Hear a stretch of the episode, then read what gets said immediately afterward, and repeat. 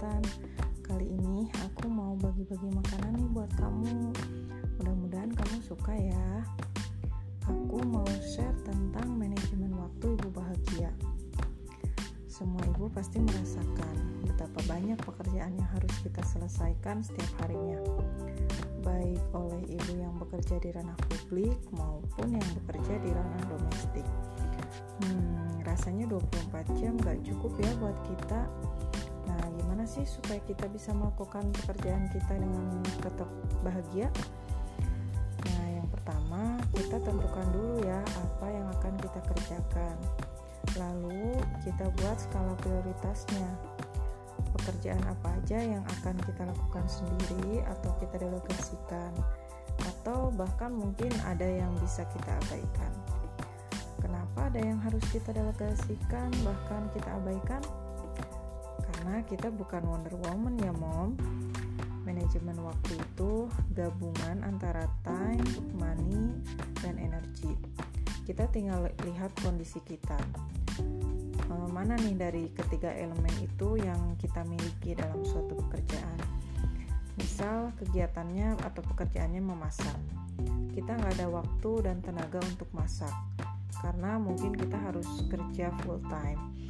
Tapi kita punya uang untuk membelinya. Maka kegiatan memasak ini bisa kita delegasikan ke warung nasi. Contoh lainnya untuk kegiatan yang bisa diabaikan apa ya?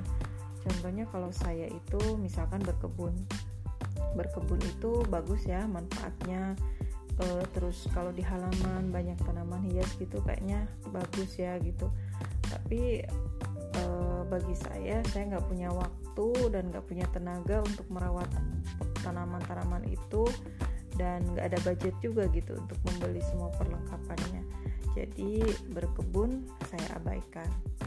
Oh ya mom sebelum kita mengatur waktu kita kita harus tahu job desk kita. Kita kadang fokus melayani melayani anak, suami, atau tuntutan karir kita.